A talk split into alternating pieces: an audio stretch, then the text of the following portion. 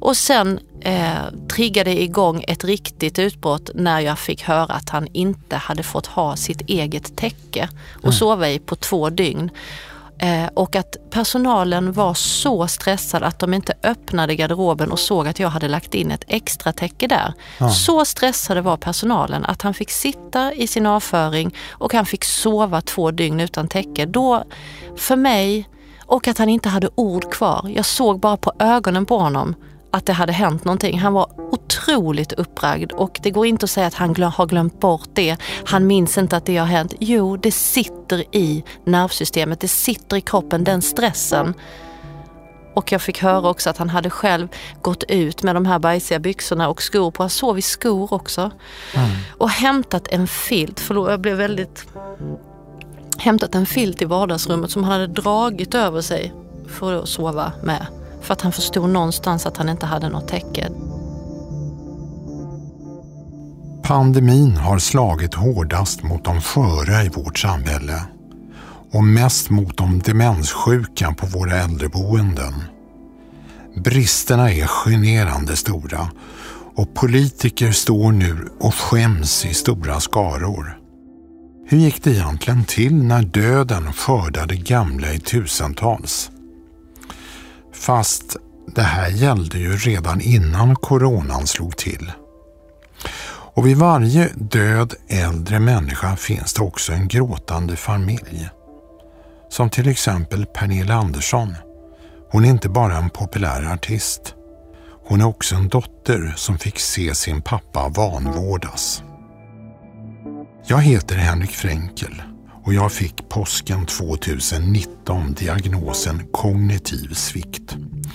Och jag vill med den här poddserien göra en upptäcktsfärd in i vår tids kanske mest ökända och stigmatiserade sjukdom.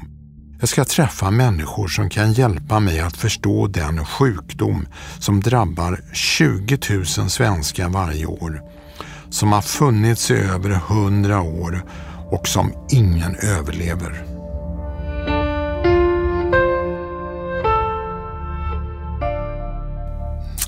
Välkommen Pernilla Andersson. jag börjar gråta vad, händer, vad händer nu då? Jag blir lite känslomässig. Ja, vad, vad tack så du? mycket. Vad, Nej, jag tyckte det var fint intro. Väldigt fint. Vad var, det, vad var det som berörde Nej, men att eh, ingen...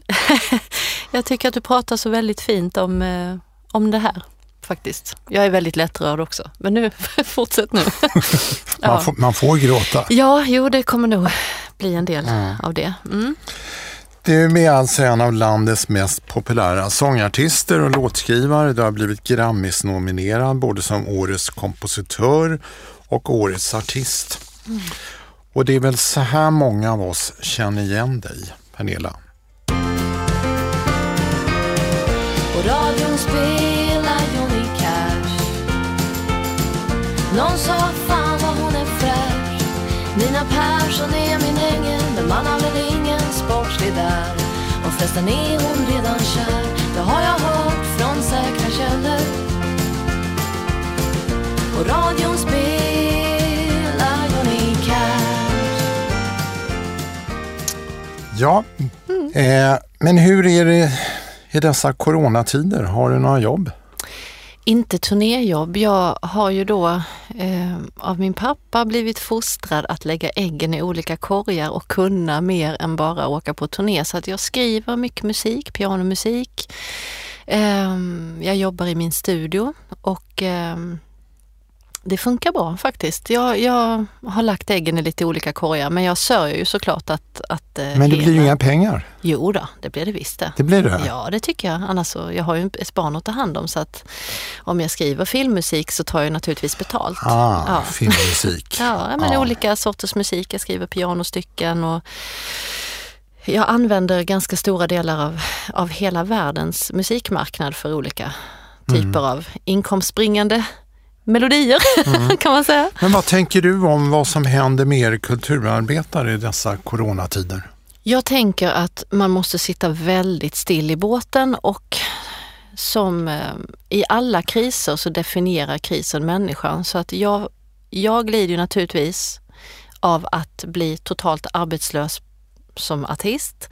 Men jag vill också slå ett slag för att vi sitter stilla i båten och tänker igenom att vi kan faktiskt inte riktigt göra säkra turnéer precis just nu. Så att vi måste lite ta skeden i vacker hand som man brukar säga och eh, försöka hitta lösningar. Jag, jag är lite mm, bekymrad över att man i min bransch är ju ganska självupptagen i sitt eget skapande och det, så är det ju mycket för oss artister. Men, men, um... men vad tänker du om det här med Jonas Gardell-kampanjen? Ja, men jag tycker att den är ganska tramsig för jag, jag uh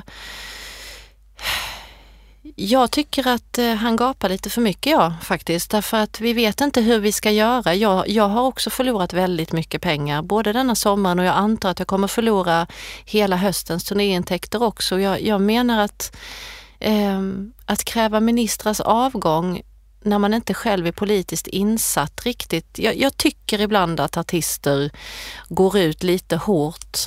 Eh, jag förstår frustrationen alla är frustrerade. Det finns folk som är arbetslösa, vi är permitterade oavsett om vi jobbar på Volvo eller mm. någonstans så måste vi ta den tiden som är nu för vad den är.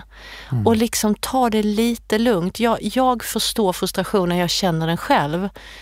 Men som sagt, krisen definierar oss som människor och ehm... Men man ställer, det känns lite som kulturarbetarna Mm. Eller ni kulturarbetare, mm. ni ställer er egen arbetsmarknad mot risken eh, gentemot de äldre och, och de före i mm. samhället. Är det mm. så man ska se det? Jag tror man ska se det som att, att vi vet för lite om ett virus eh, fortfarande. Vi vet för lite om det här och eh, jag tror säkert att jag hade kunnat framföra mina turnéer i sommar på ett ganska säkert sätt eftersom mm. många av spelningarna var utomhus och man hade kunnat sätta stolarna. Men jag respekterar detta mm. som har beslutats. Sen kan jag tycka att jag är också väldigt mycket för att eh, vi tänker själva med vårt huvud och jag tycker nog att om man tycker att det är rimligt att trycka in sig 14 000 på Ullared, det är liksom, jag skulle inte göra det. Mm. Jag kan inte hindra folk att göra det men jag tänker att man borde tänka längre än så när det gäller stränder också. Det är klart att jag blir förbannad när jag går förbi eh, Mälarstrand här nere, Tantolunden mm. och det är mer folk än vad det skulle varit på mina konserter. Mm. Det är klart att det provocerar mig precis som det provocerar Jonas Gardell. Men samtidigt så känner jag så här att sitt still i båten, vi kommer spela igen. Vi måste vara rädda om, som du säger, de äldre. Och jag kommer ju direkt från en ganska stor sorg. Jag mm. vet att min pappa förmodligen inte hade klarat den här mm. perioden. Jag vet att, att um, Alltså jag har kanske en dubbel ingång till det här med både artisteri och att vara rädd om de som är sköra. Så att jag tar det lite lugnare. Jag tycker inte... Vi ska hoppa in, ja. vi ska prata lite, eller mm. vi ska prata väldigt mycket, hela podden ska vi prata mm. om dig och din pappa ja. egentligen. Ja, precis. Eh, du har ju hoppat in i debatten, fast inte just nu egentligen, utan om äldrevården. Och det var mm. när du hittade din Alzheimersjuka pappa i sin egen avföring på sitt äldreboende. Mm. Och då fick i alla fall jag en delvis ny bild av dig. Eh, vad var det som fick dig att tända till? För du tände. Jag blev vansinnig och det handlar väldigt mycket om att jag ville försvara hans värdighet. För att det var då det slog mig att det var så underbemannat och det var så stressigt för de som arbetade. Och min pappa var verkligen sjuk i slutet men han hade stark integritet. Han var väldigt noga med att vara renlig och han hade massa problem med att man var tvungen att byta mycket kläder på honom mm. och sådär. Och det som verkligen satte igång mig var ju de här, inte de byxorna han hade på sig, att de var intorkade med bajs som var gammalt. Det ser man ju, man kan ju faktiskt se det. Det var att de hade vikt ihop ett par andra byxor och stoppat in i garderoben igen som också var nerbajsade och de hittade jag när jag skulle byta på honom. Mm. Och sen eh, triggade igång ett riktigt utbrott när jag fick höra att han inte hade fått ha sitt eget täcke och mm. sova i på två dygn. Eh, och att personalen var så stressad att de inte öppnade garderoben och såg att jag hade lagt in ett extra täcke där. Ja. Så stressade var personalen att han fick sitta i sin avföring och han fick sova två dygn utan täcke. Då, för mig, och att han inte hade ord kvar. Jag såg bara på ögonen på honom att det hade hänt någonting. Han var otroligt uppragd och det går inte att säga att han glöm, har glömt bort det. Han minns inte att det har hänt. Jo, det sitter i nervsystemet, det sitter i kroppen, den stressen. Och jag fick höra också att han hade själv gått ut med de här bajsiga byxorna och skor på. Han sov i skor också. Mm. Och hämtat en filt, förlåt jag blev väldigt... Hämtat en filt i vardagsrummet som han hade dragit över sig för att sova med. För att han förstod någonstans att han inte hade något täcke. Det gjorde mig så och vad gjorde du då? då? Ja, jag kallar, jag, dels så eh, fotograferade jag allting. Jag blev så här lite CIA. Här ska vara bildbevis på allt. Jag fotograferade de skitiga byxorna. Jag fotograferade vad täcket var och jag frågade varför det har tagit två dygn att tvätta ett täcke och lägga tillbaka det och varför ja. inte extra täcket hade kommit fram. Eh, jag fotograferade precis allting och jag drog ihop ett jättestort möte med cheferna. Ja. Och alla skyllde på, till slut skyllde alla på någon stackare som knappt eh, hade varit i rummet. Ja. Eh, alltså man sparkar neråt i det vårdsystemet. Mm.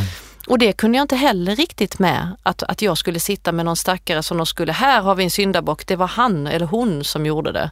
Mm. Jag tänker att det, det, här är ett väldigt dåligt sätt att bygga upp ett förtroende mot en anhörig, att man liksom letar upp mm. en person och inte, det är jag som är chef. Jag är ytterst ansvarig. Det är som att jag skulle skylla på en tekniker på turné. Mm. Om någonting går dåligt, ja det var ljusteknikerns fel. Mm. Jag är arbetsgivare, jag är ansvarig för det som händer på min turné. Men du gick ut i media också? Ja, det gjorde jag. För Varför jag fick, det? Därför att jag fick inte de svaren jag ville ha och de försökte bara prata bort det och då kände jag att nu är det bra. Och, ehm, och det blev löpsedlar? Det, det blev löpsedel det blev eh, löpet. Men inte nog, vi kommer kom prata lite om mm. det här med löpsedeln, men, mm.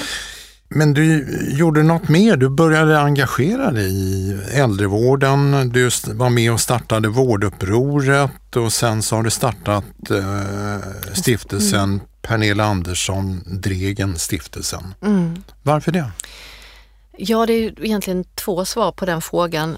Dels så tycker jag att eh, att vi har tappat en ganska stor del av att umgås med döden. Jag var helt, helt tagen av den själv och vi har tappat en stor del av filosofi och humanism i det sättet på vilket vi lever idag.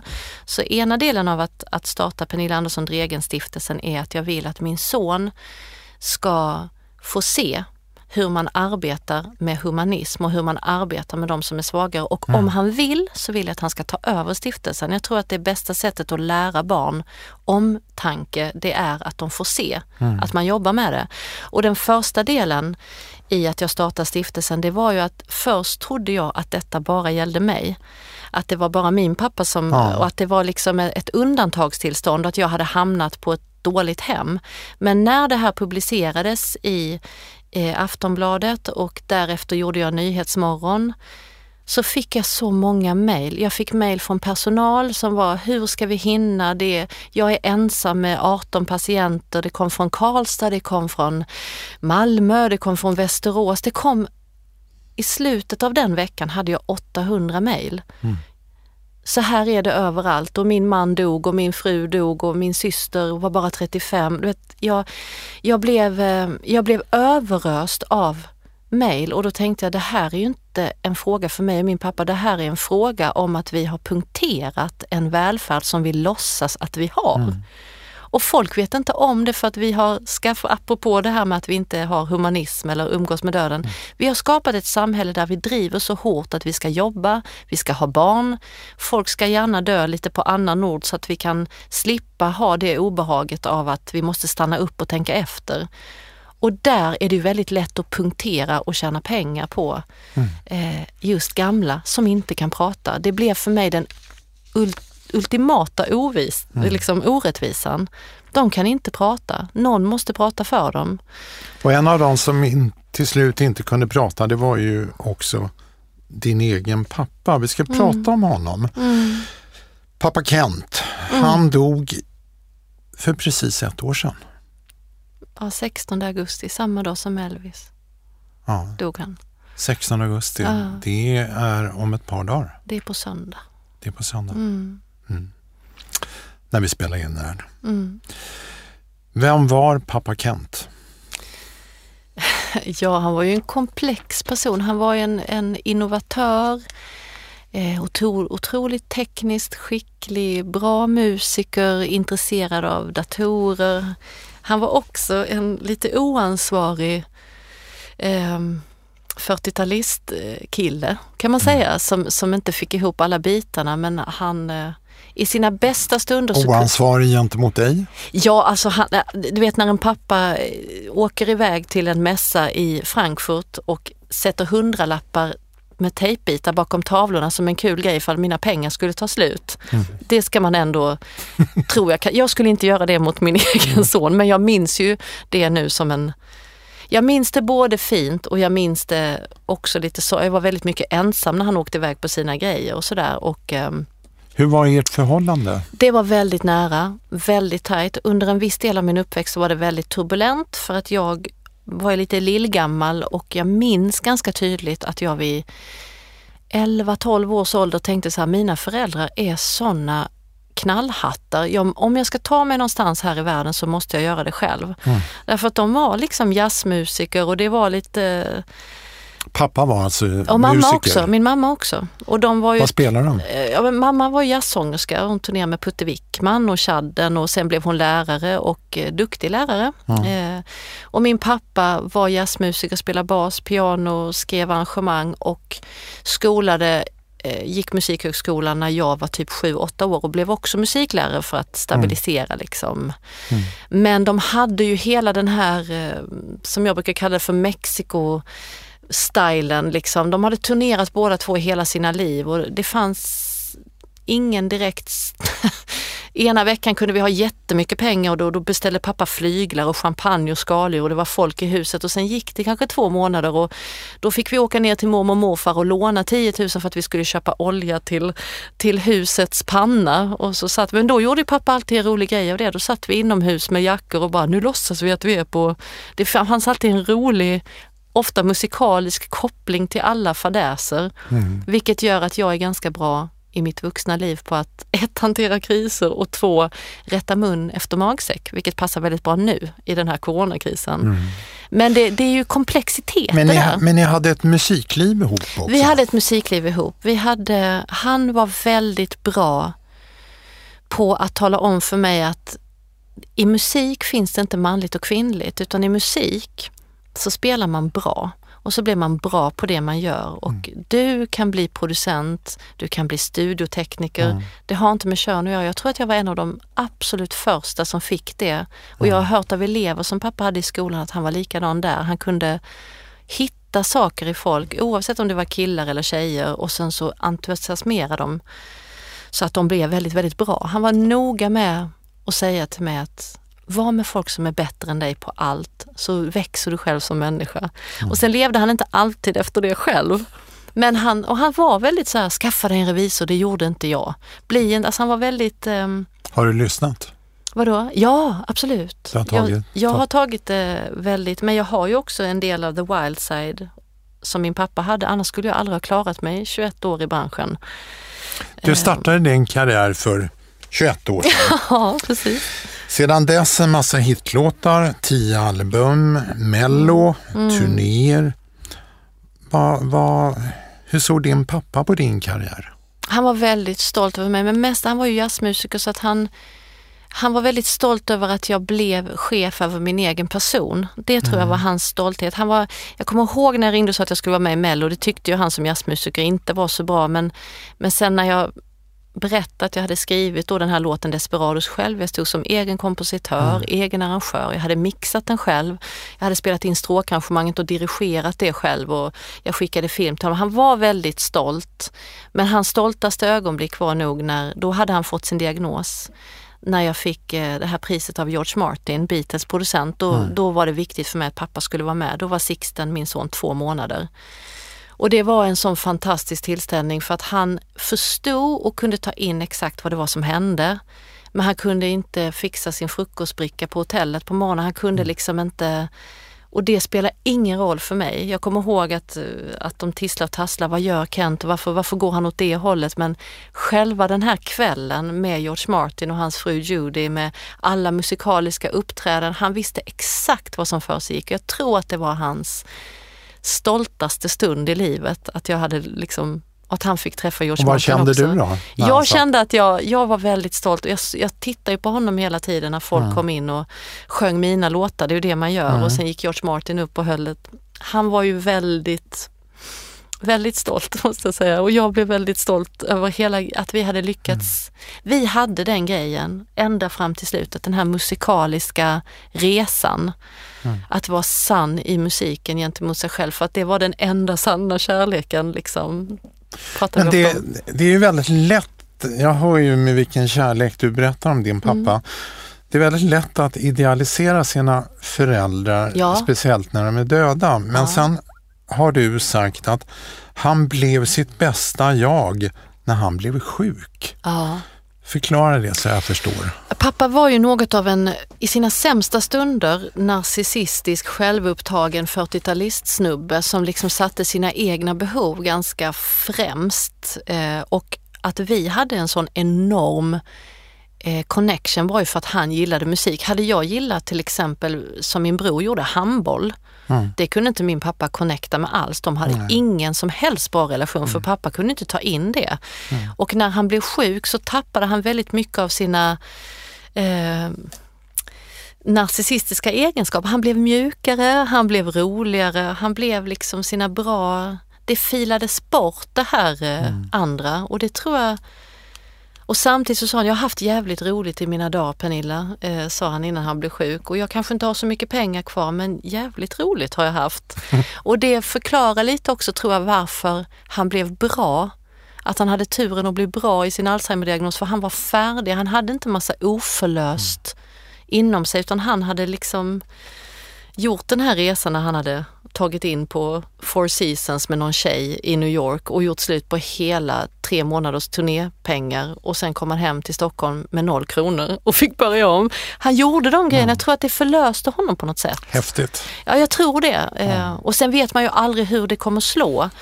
Men jag är ganska säker på att om man lever, om man lever så bra man kan och inte är oförlös så tror jag att det blir lättare oavsett kognitiv sjukdom eller ej i sluttampen på livet. Det har jag Han- inga belägg för men jag tror det. Han, han blev alltså sjuk. Hur gammal var han? Ja, vi tror ju att han blev sjuk när han var runt 58-59. Det är tidigt. Ja, för att de, de, eh, när jag kom med honom då, eh, började med minnestester vid 2000, jag märkte att det var någonting 2009 redan på mitt bröllop. Vad var det du såg? Han hade en blick som hade förändrats och han kunde inte hålla talet. Pappa var ju en ha ha ha, ho ho ho. Han kunde riva ner skratt och han tog sitt gamla, men han fick inte ihop talet på mitt bröllop. Och han hade blivit svag i rösten. Vad tänkte du då? då? Jag tänkte att han var så stressad över att det var så mycket människor, det förstår jag också att han var nu i efterhand när jag vet, men att han hade en konstig relation till sin egen mamma som var där och han hade min mamma som var en exfru och hade sin nya tjej. Men så jag tänkte då att det här är så jävla jobbigt för honom med alla, att alla ska ha det bra, för han var ju noga med det. Så jag trodde att det var det som var.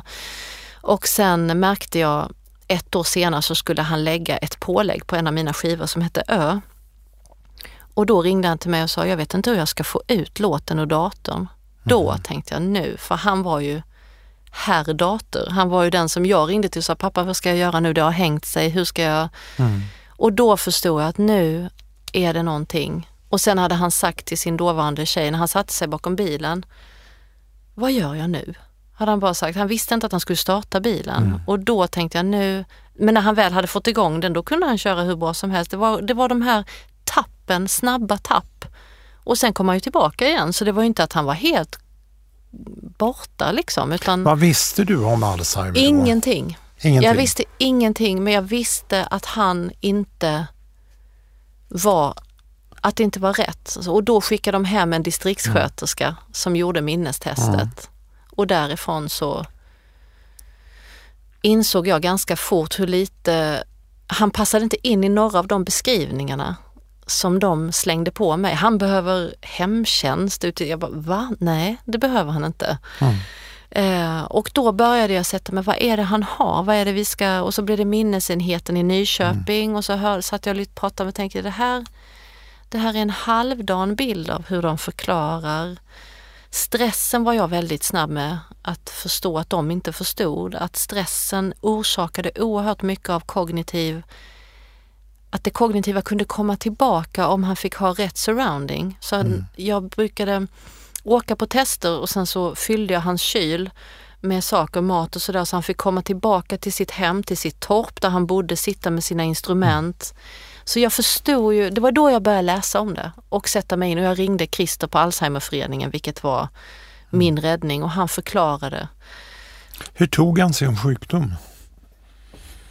Då var, när han fick sin diagnos då var han så gravt sjuk. Han, han blev jätteledsen. Han kunde dels förstå det. Jag tyckte han gick ut och in. Han sa ganska sent också att det är inte fel på kroppen, det är fel här i. Han var otroligt medveten. Vad kände du? Jag kände att, att han blev fånge i sig själv och att jag skulle bli hans språkrör eftersom jag kände honom bättre än alla andra och att han kommunicerade så mycket via musik och kultur. Mm. Så att jag kände att jag kunde inte släppa taget för att jag förstod att varken hans fru eller kvinna som han levde med eller någon annan förstod honom så bra som jag och jag kunde direkt läsa för att jag kände honom så väl så jag visste. Jag kunde se på en blick så nu är det något fel på datorn. Det kunde omöjligt för en, en jättestressad undersköterska mm. att se vad det är som är fel. Han tappade mycket ord. Men när man fyllde på åt honom så kom de tillbaka. Mm. Om han fick lyssna på tre jazzlåtar, ofta var det Miles Davis, eh, stämsång när det var flera, och det tror jag väldigt mycket, när det var flera olika stämmor, då sätter det igång olika saker i hjärnan. Så att om han fick lyssna på tre, fyra låtar så kom talet tillbaka. Så att jag mm. hade en egen form av musikterapi med honom. Men vad kände du mitt i alltihopa? Ja, jag hade panik. Jag har fortfarande panik över att jag tänker att det ska Jag kände att han, att han innan han gick över till att han, att han blev så pass sjuk att han inte visste om det längre. Men det tog ganska lång tid. Han var väldigt sjuk innan han förstod att... Och vad handlade paniken om? Paniken handlade om att han blev instängd i sig själv.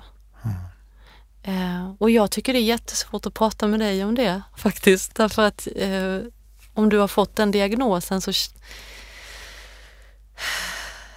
så måste du vara noga med att, att, att den som är med dig kan tolka dig.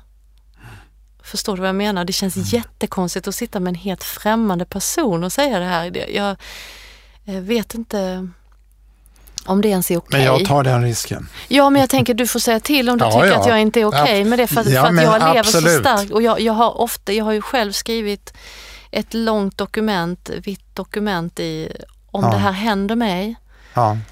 Eh, hur jag vill bli tolkad. För det är mycket det som är som var min panik. Att försöka, när han hamnade på ett hem, att hjälpa folk att tolka vidare honom. Liksom. Det var ju där jag tyckte att Mm. Att det brast så hårt i att det inte fanns tid.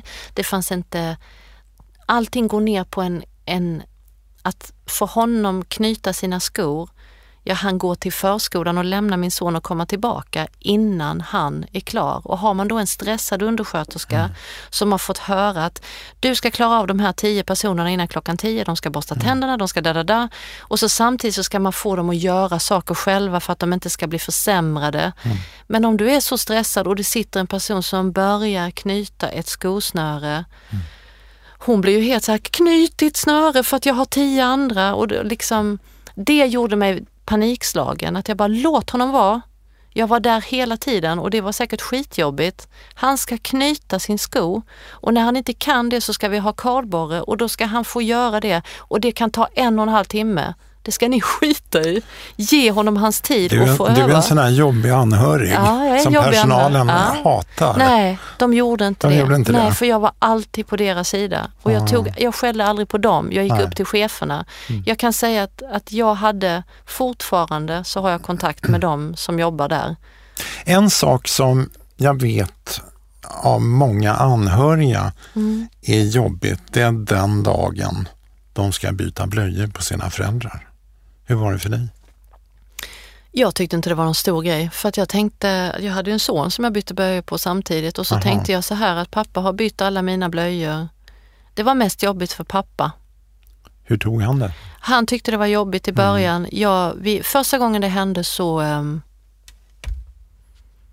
så, så spelade jag upp någon Hasse och Tage-grej, så spik i foten och mm. liksom eh, skämt. Alltså det gick via så här Gula hund och Hasse och Tage och skämt. Mm. Jaha, nu ska man, har man hamnat här? Att man fick göra en mm. rolig grej av det. Men eh, jag var ganska han tyckte att det var lite jobbigt men just då visste inte han om jag var hans dotter eller om jag var hans fru för pappa kunde inte redogöra för på vilket sätt vi var relaterade utan han kände att vi hörde ihop. Mm. Ibland de sista två åren så trodde han att jag var hans fru. Mm. Så att eh, för honom var det mer att jag kunde så här Ja, att vi kunde skämta kring det och jag bara, nu gör vi bara det här och så spola av och liksom, jag gjorde ingen, jag verkligen, för mig, ja, det är inte en optimal situation. Um, Men du gjorde det? Ja, och det, sen vet jag att jag har pratat med ganska många kompisar som sa jag skulle aldrig kunna göra det på mina föräldrar. Nej, det är därför jag ställer frågan. Nej, nej och det, jag tror att där kan man inte heller säga att nej, men då får du väl lära dig. Alltså vissa människor ska göra det på sina föräldrar, vissa ska inte göra nej. det. Jag tror inte att man kan säga att man är en eh, svag eller bättre eller sämre person. Det är bara don. För, för mig var det det inträffade samtidigt som min son hade blöjor så att för mig mm. var det bara... Men apropå din son, jag såg mm. någonstans att din son frågade dig om varför du var med din pappa så mycket. Vad svarade du? Varför är du så mycket med morfar? Ja. Så för att morfar har en sjukdom som han kommer dö av och komma till eh, rymden och du får gärna hjälpa mig att vara med honom. Han var jätteledsen. Det var väldigt ofta jag kände att jag aldrig räckte till. Mm. För det händer ju ofta och det har jag också reflekterat över att när folk får de här diagnoserna, det får man ju sällan när man är 25 utan mm. vi har ofta alla familjer. Mm. Eh, alla är inte gifta i kärnfamiljer, vissa är skilda och det, man får liksom hantera. Jag, jag har um, försökt tala om för Sixten på ett bra sätt att det har funnits en tidsbegränsning i det här. Det är därför det är så viktigt och du får gärna vara med mig. Och du behöver inte följa med om du inte vill men morfar kommer snart vara borta och jag vill så gärna hinna säga hej då så länge det går. Och jag tror att han, han var ju med och vakade Sixten de sista mm. Han satt och höll morfar i handen och det är också det här att lära omtanke. Att det är inte för, han såg inte konstig ut eller han, han vilade ju mest och då var Sixten så här, jag är den som är bäst på att ta hand om morfar. Och så fick mm. han vad han Hur gammal var han då? Då var han sex år. Jag sex är år. bäst på att ta hand om morfar. Titta här mamma, för han blir så glad. Morfar. Men det är ju många, många som försöker att hålla små barn ifrån svårt sjuka för att de mm. vill inte att de ska bära med sig bilden av en sjuk morfar, en svårt eller en döende morfar. Nej, men jag kan förstå om människor personlighetsförändras, att man vill hålla, om de är så här, sitter och skriker könsord och bara bort med dig din gamla, du vet, så här, då ja. kan jag förstå att det kan skrämma barn. Men min pappa lös upp varenda gång Sixten kom. Han levde för Sixten, mm. som man kallade den lille och Sixten kände sig väldigt viktig i morfar. Mm. Morfar hade med sig det hela vägen. Mm. Och jag bara, om du ger honom lite saft nu så kanske han klarar sig mm. en dag. Det var ju han som fick i honom det mm. när han inte ville äta mer. Så var det Sixten och så sa jag, bekräftade jag Sixten, det här är ditt verk Sixten. Det var du som fick i morfar. Så, ja, jag är faktiskt bäst, sexåringar. Mm. Ja, så jag, jag, tror att om vi ska börja få en mer humanistisk värld och om det inte skadar barnen, man får givetvis mm. vara lyhörd och alla barn är olika. Man märker på barn, Sixten tyckte inte det var några problem. Det var ganska naturligt. Och han höll honom i handen och nu sa nu är det två dagar kvar Sixten, så nu tror jag att morfar vill sova själv. Och då sa han, ja morfar är väldigt kall på handen. Mm. Så att han, eh, han var med tills jag kände att nu kommer det kunna skrämma honom mm. när morfin och sådär kom in. Eh, men jag kan inte säga att, jag tror han snarare känner sig stolt. Sen ville han inte vara med på begravningen. Nej. Och det respekterar jag fullständigt. Att han ville inte sitta där och han hade sagt hej då. Han, skulle, mm. han fick välja urnan mm. som morfar, han fick fjärilen efteråt och det respekterar jag att en mm. sexåring inte har lust att kanske klara av. Jag har själv fyra barnbarn så jag blir väldigt rörd när du berättar faktiskt. Ehm, ja, jag är också jag, morfar, morfar. Ja, och jag mm. tänker att, att, att den här sjukdomen kan man inte säga hur man ska göra si eller så i. Därför att den här sjukdomen som vi pratade om innan vi började här, den kan mm. slå så olika. Mm. Så att man kan inte säga att alla barn ska vara med eller alla barn ska inte vara med utan jag tror man måste känna ha en närhet. Man måste vara liksom tentakler. Det saknar vi också idag. Att mm. känna, att kunna, just det här med tolkningen som jag pratar med dig om också mm. hela tiden. Att tolka mig. Mm. För vi tolkade våra barn och du har tolkat dina barnbarn när mm. de inte kunde prata. Det är lite samma sak. Vad vill han? Vill han att jag ska byta blöja eller vill han ha välling? Mm. Första barnet också när de skriker i början, jag hade ingen aning. Mm. Jag ringde ju till BB, så här, vad vill han nu? Ja, du får ju lära dig känna in. Ska jag amma eller ska jag, du vet, det är ju precis samma sak fast tvärtom. Pernilla, mm. vi ska göra ett avbrott här och mm. vi ska tala med, eller jag ska tala med Sofia Dörje, marknadschef på Alzheimerfonden.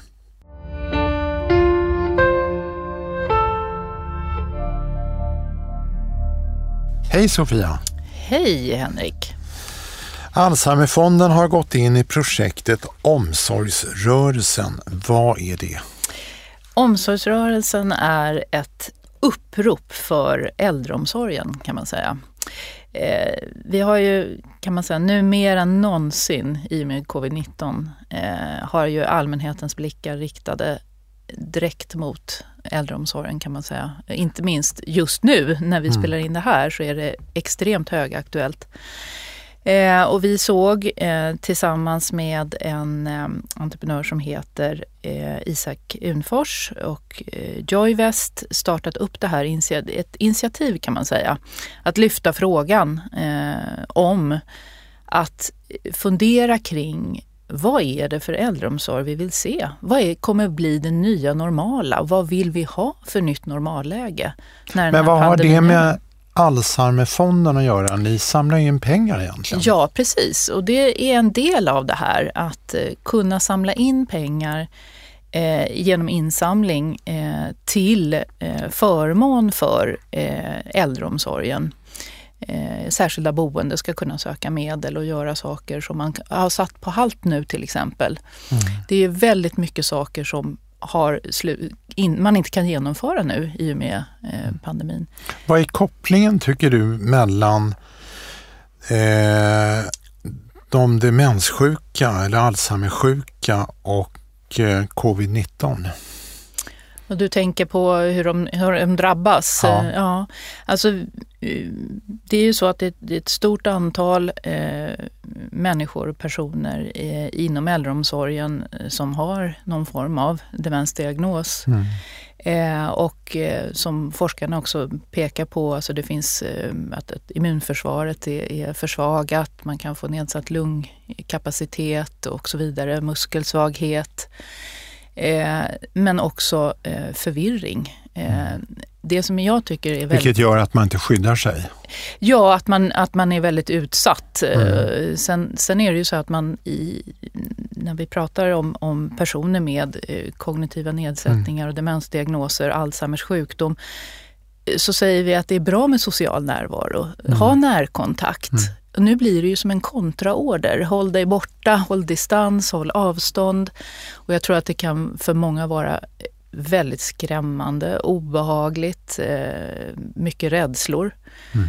Eh, och det som också anhöriga vittnar om och frustrationen att inte kunna få besöka till exempel sina nära anhöriga som har en demensdiagnos. Mm. Vi har fått ett stort och högt inflöde och tryck av samtal till vår givarservice. Eh, det är väldigt tydligt att det är många personer och människor som har gått bort i covid-19, eh, corona. Eh, det är många som har en demensdiagnos.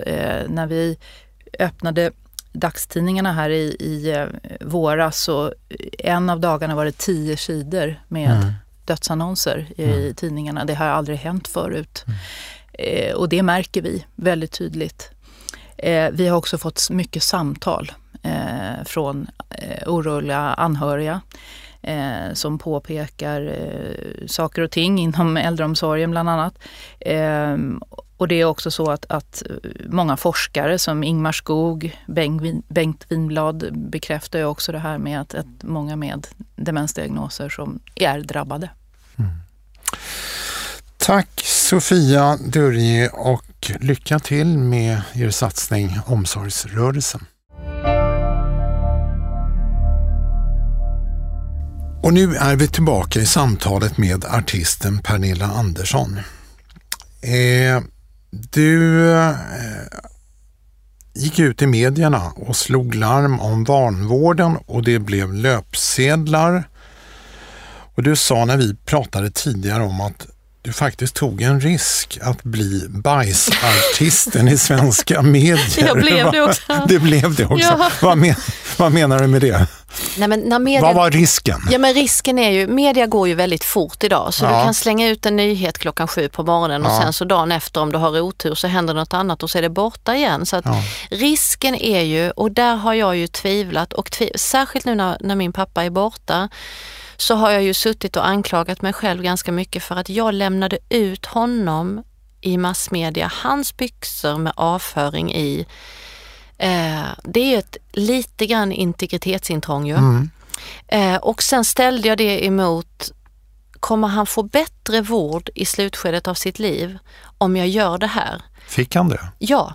Eh, men det jag undrar är ju, ja men det är lite som att välja mellan pest och kolera. Hade han velat det här själv? Om han visste han skulle inte velat sitta där överhuvudtaget. Han Nej. hade velat bestämma över sig själv. Men hade, Men hade han, velat att, hade att han vetat, det? ja, hade, han, hade det hänt mig ja. och det hade varit hans ja. beslut, då hade han gjort så också. Ja. Därför att han hade velat att jag skulle ha det så bra som möjligt när det är så lite tid kvar i livet. Um, och det var ju jag, jag battlar faktiskt, eller jag, jag tampas med det fortfarande. Jag kan vakna upp och känna hur fasen kunde du posta hans brall? Det händer fortfarande mig nu i mitt sorgearbete att jag känner att jag har lämnat ut honom. Mm. Och samtidigt så vet jag han kanske inte hade tyckt att det var en ultimat situation men jag vet att han hade förstått varför jag gjorde det och han hade den renaste skärten i hela Stockholm fram till sin död kan jag säga. För ett år sedan Eh, precis som vi mm. nämnde tidigare så dog din pappa. Mm. Eh, vi ska lyssna på en eh, låt som du har skrivit. Mm. I ett hav av alla människor Från där och då till nu Står jag brinnande förtvivlad över ett liv som rinner ut. Ingenting jag gör kan hindra något. Inget fort kan hållas upp. Ren förlust kan aldrig pratas bort. Den lever stilla igen.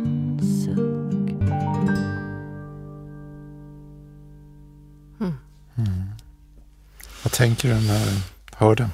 Tänk... Den handlar om din pappa. Ja, den handlar om min pappa och min skilsmässa. Som, det här inträffade ju allting samtidigt. Mm. Jag fick barn som var två år. Pappa fick sin diagnos och jag insåg att jag var tvungen att skilja mig samtidigt. Ehm, var tvungen? Ja, men det fungerade inte av olika anledningar och det handlar ju väldigt mycket om pappa pappas diagnos, att man får ett barn, att, att man måste ha ett fungerande eh, känsla. Ja, det, här, det blir väldigt privat men det fungerar inte helt enkelt och det som slog mig när jag skrev den här låten var att pappa och jag brukar alltid säga att man bara kämpar tillräckligt hårt mm. och håller upp, håller fortet, håll fortet brukar vi mm. alltid säga så man kunde ringa från och sa alltså nu spelar vi här och här, idag så trillade in någon, du vet man berättar och då brukar vi säga håll fortet. Mm. Och sen eh, att bara man jobbar tillräckligt, men, men när det här hände då blev ju den här insikten om att det här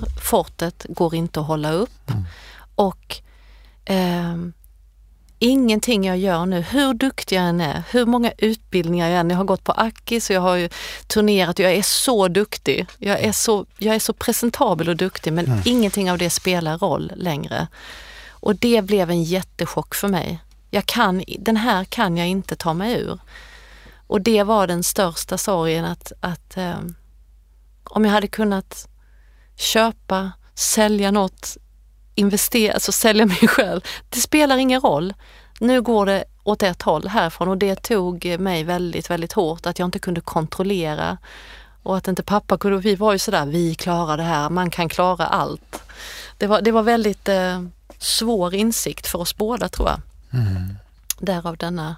Och då lyssnar man på Billie Holiday. Det gjorde vi alltid från perioden 47 till 52. Mm. Vi brukar skämta om det, att hon gick som mest på heroin då, så jag vet inte om det är sorgen och det trasiga man hör i hennes röst då, Mm. som gör att man tar in... Men vi lyssnar mycket på Billie Holiday i kriser, pappa och jag. Hur var tiden efter det att han dog? Ja, det är ju nu. Tiden efter att han dog. Ett år? Ja, det är nu. Alltså jag... Jag blev jättesjuk när pappa dog för jag hade hållit upp fortet så Mm. länge. Så eh, eh, jag fick högt blodtryck, jag fick eh, sköldkörtelproblem, jag fick problem med binjurarna och kortisol. Jag hade strokevärden när kroppen började liksom landa. Så att hela det här året har gått åt egentligen att eh, jag har gått, jag har promenerat massor med mil och jag gjorde en turné i vintras där jag kände, och jag hörde pappa också, dra ut på turné, du behöver det. Mm. Och så åkte vi på turné och så sa jag så här, nu kan det fan inte bli värre än vad det har varit. Då kände jag ändå en ljus, sen kom corona. Men eh, tiden efteråt är nu, jag vet inte. Jag, det är otroligt tomt. Jag har mitt kontor på Katarina Minneslund, jag går dit varje dag när jag har lämnat nästan. Och så sitter jag och pratar med pappa och hur ska vi göra det här, vad ska vi göra nu? Och, du vet, jag sitter och pratar med honom och jag hör honom och jag är väldigt, jag saknar honom otroligt mycket och jag har, håller på med den här skivan då som är egentligen en, ett avslut på hela den här skivan. Som du håller på med just nu? Ja, som jag håller på med, som han också har filmat jättemycket av hans sista tid och igår så gjorde jag färdigt en låt som heter Samma dag som Elvis som albumet kommer heta den dagen pappa gick bort. Och så hittar jag klipp när han är sitt roligaste jag på Urban Del och han sitter och sjunger och dricker vin och det har jag lagt in i låten. Jag lyckades slå upp fönstren och spela in en begravningskyrkklocka från Sofia kyrka för jag hörde att de hade en klockan två. Det var samma. Så att jag, jag är där nu. Jag vet inte. Det är jättetomt. Jag har aldrig känt mig så ensam. Men han har också uppfostrat mig att den som står upp i sista ronden vinner och jag måste stå upp för Sixten och jag, det finns massa saker jag måste göra som han skulle velat han skulle vilja att jag levde. Jag tror att han tycker att jag är för hängig. ja, men jag får inte till det liksom. Jag, jag sörjer nog lite för hårt. Han skulle vilja att lev nu när du kan. Jag hör honom säga det, men jag kan inte riktigt än leva. Pernilla, Mm. nu kommer tårarna. Ja, det kommer de igen. Jag kan. Eh, vi måste eh, nog eh, avsluta. Innan jag gråter ner hela studion. Nej, du får gärna gråta. Men eh, hur har den här sjuk, det är min sista fråga, hur har den här sjukdomen, din pappas sjukdom, påverkat dig som artist och, och människa? Och den har påverkat mig jättemycket. Jag har sett min egen... Jag har sett mina egna demoner och min rädsla för att... Som jag, jag skrev det i låten som, som jag gjorde färdigt. När jag sitter i hans gamla gungstol och vakar över honom och ber till Gud. Jag är inte jättekristen av mig men Gud låt mig slippa ligga där han ligger och låt min son slippa sitta här som jag. Och så vet man att man kan inte göra sådana dealar. Det går inte. Så det har påverkat mig, hela mitt sätt att se på mitt liv och på min sons liv och på humanism och alltså resten av mitt liv kommer liksom gå åt att försöka väcka liv i de här frågorna och väcka liv i att, att försöka leva. Jag är dålig på det faktiskt. Som pappa, jag hör ju pappa, du måste leva Pernilla. Jag har lätt för att stänga in mig i studion och eller promenera bara, nej det här går inte. Jag vill leva liksom. Men du kom hit i alla fall. Ja, till slut. Till slut kom, Ja. kom du hit. Det var, det var, det var Tack lite... för att jag fick komma. Jag är Ja. jättetacksam för Hur det. känns det att prata nu? Jag kommer nog gråta när jag går ut, Mm. tror jag. Kanske gå och ta ett glas vin som pappa hade gjort. Gör det. Mm. Tack Pernilla Andersson. Jag är jätteglad över att du ville komma. Det har gett mig väldigt mycket. Hoppas det har gett alla lyssnare det också. Och ni som löpande vill ha mina poddar kan prenumerera via Podcaster, Spotify och där poddar brukar finnas. Hej och tack och hej Pernilla. Hej, tack.